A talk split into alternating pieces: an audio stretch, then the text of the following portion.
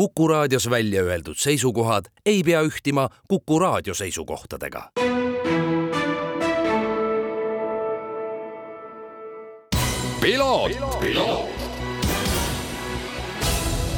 tervist, head Kuku raadio kuulajad, head uut aastat,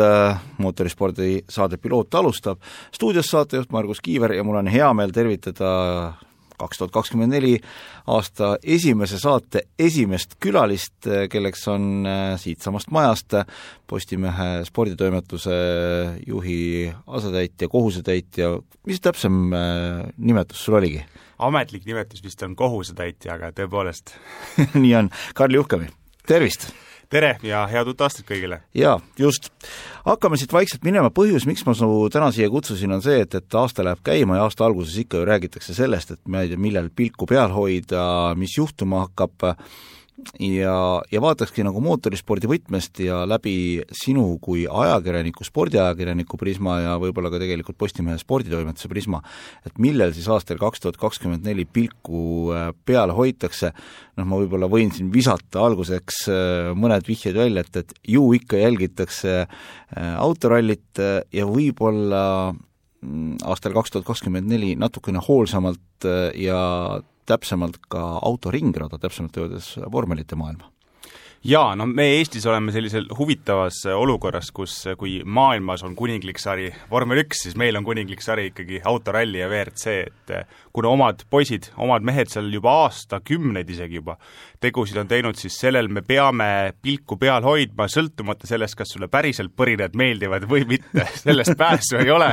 kes, kes maksab, tellib ka muusika, nagu öeldakse, et tõepoolest, rallit me peame sisse hingama ja, ja seda me, seda me jälgime. ja teine asi tõesti, eestlaste jaoks ilmselt on isegi ringrajast rääkides vormel kaks natukene huvitavam kui vormel üks, arvestades, et Paul Aron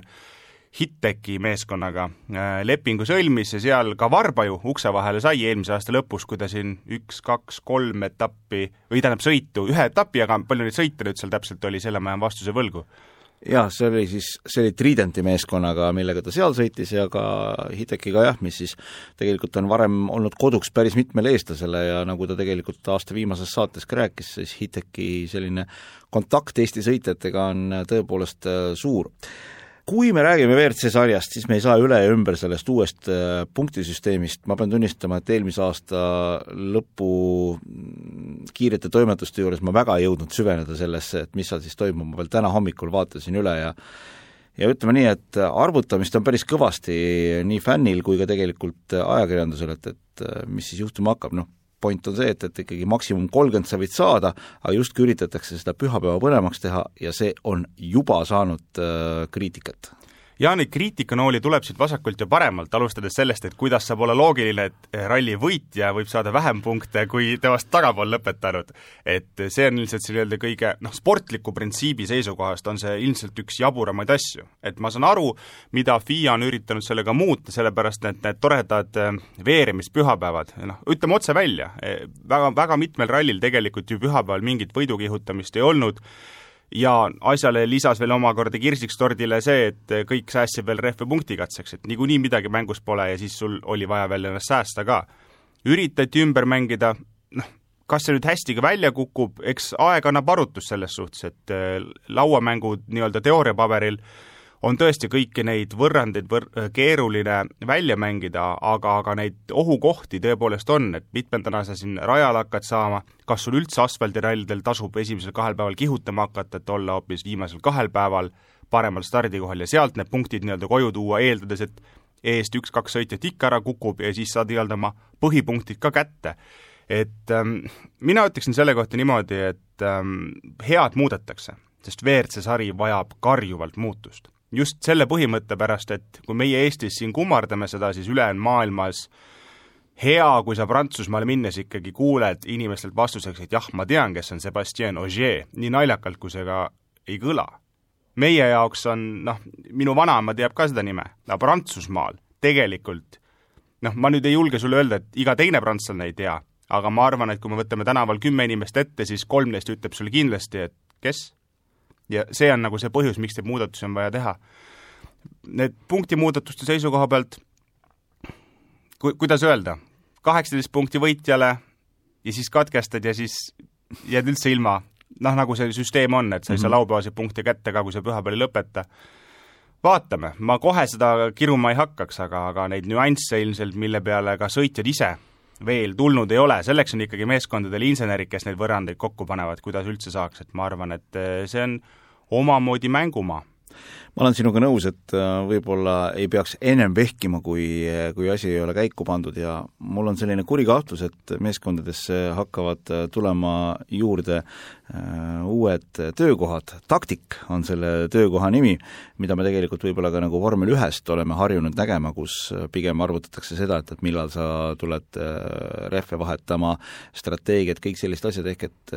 mulle tundub, et sellest noh, nagu sa väga hästi alguses ütlesid, et see spordi põhiprintsiip on see, et, et sa oled esimene ja sa saad maksimumpunktid. et see natukene võib-olla võib sealt kaduma hakata tänu sellele, et sa pead nagu hakkama arvutama, et sa pead mõtlema nagu ralli seisukohast ja nagu alati mõtlema ka sellest seisukohast, mis see sulle MM-sarja punktitabelis teeb. jah, no ütleme, sellist lähenemist ju tegelikult me oleme, see on lihtsalt ralli kontekstis harjumatu. Tegelikult sellist arvutamislähenemist, noh, võtame eestlastele teise armastatud ala, andestage nüüd mulle piloodikuulajad, aga ei, palun, palun. ker-, kergejõustik, kümnevõistlus. paljud on ju alati rääkinud, et viimane ala võiks olla ikkagi Kundersoni meetodil, et esimesena rajale, kes esimesena ületab. samas see praegune meetod, kus sa pead võistlust pidama stopperiga, mitte nii-öelda teist inimest silmaga jälgima, on seal alas sees ja me kõik oleme sellega harjunud ja keegi noh, ütleme, väiksem enamus on see, kes nuriseb, et võiks olla vastupidi. et harjumise küsimus ja ja võib-olla selline taktika roll, selline uutmoodi lähenemine rallile võib ka kasuks tulla, noh jällegi, me ei tea, kui me ei proovi, et selles mõttes ma olen selle proovimise poolt, aga, aga see küll ei tähenda automaatselt ka, et kõik muudatused oleksid head, jah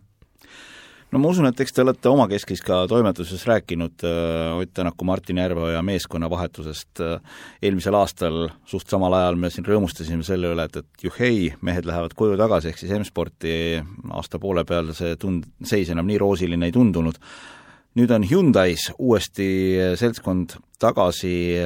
Hyundai meeskonnas, tõsi, on toimunud väga suured muudatused personali osas just juhtimise seisukohast, mida te ootate, mida sina ootad?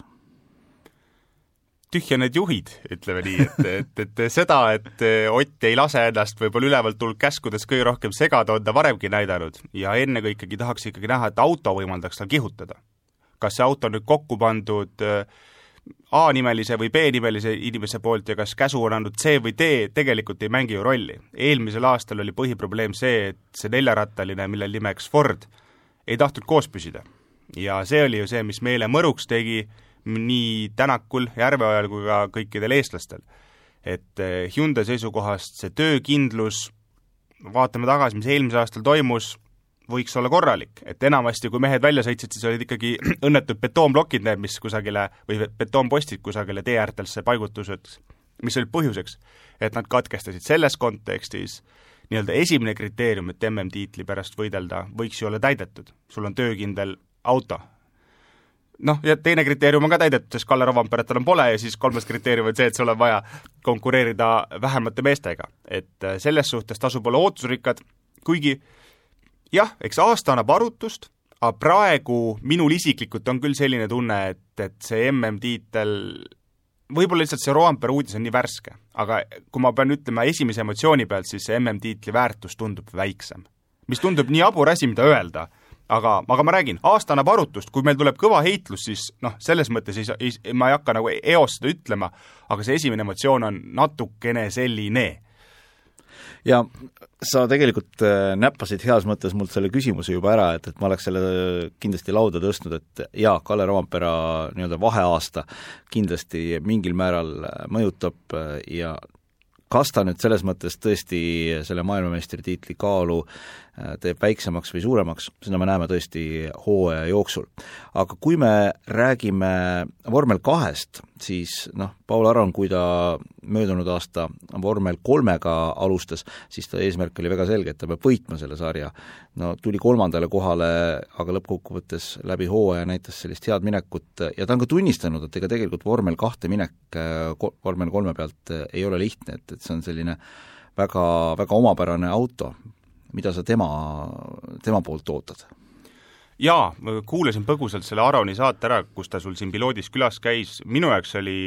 ütlen ausalt, vormelite maailm, kui me hakkame sealt esimesest klassist allapoole tulema, on natuke tume, aga huvitav oli kuulata neid nii-öelda nüansse, mis ta rääkis, et kuidas vormel kolmes sul on võimalik sõita nii, nagu sa ise tahad, versus vormel kahes sul tuleb sõita nii, nagu auto tahab. noh, ma loodan, et ma sõnastasin selle enam-vähem õigesti, et sellised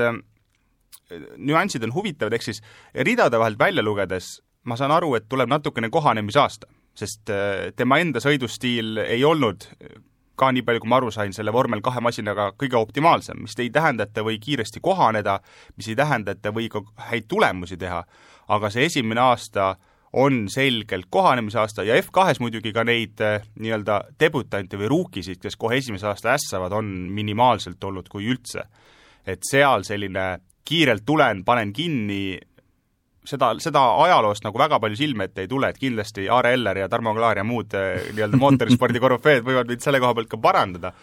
aga, aga selles kohas eh, tasa ja targu on vist Pauli Aroline hetkel see kõige targem sõnum, mida anda. samas Hitteki meeskond, kellega ta liitus siin viimastel aastatel, kõige parem ei ole olnud, aga sealgi ma saan aru, et on olnud küsimus nii-öelda prioriteetides, et raha taha otseselt asi ei, ei, ei tõotanud jääda, nii et selles suhtes võiks ju olla lubav jällegi aasta-kahe perspektiivis, et meeskond sammub sõitjaga sama rada, mitte see, et tiim kohe ootab sult tulemust